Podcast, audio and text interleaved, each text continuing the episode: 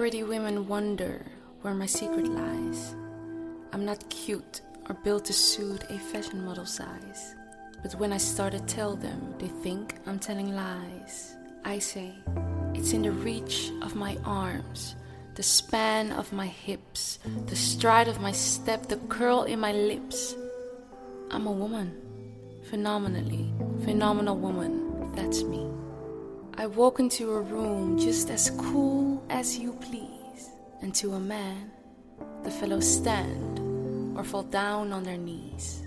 Then they swarm around me, a hive of honeybees. I say, it's in the fire of my eyes and the flash of my teeth, the swing of my waist and the joy in my feet. I'm a woman, phenomenally, phenomenal woman. That's me and that is you. Men themselves have wondered what they see in me. They try so much, but they can't touch my inner mystery. When I try to show them, they say they still can't see. So I say, it's in the arch of my back.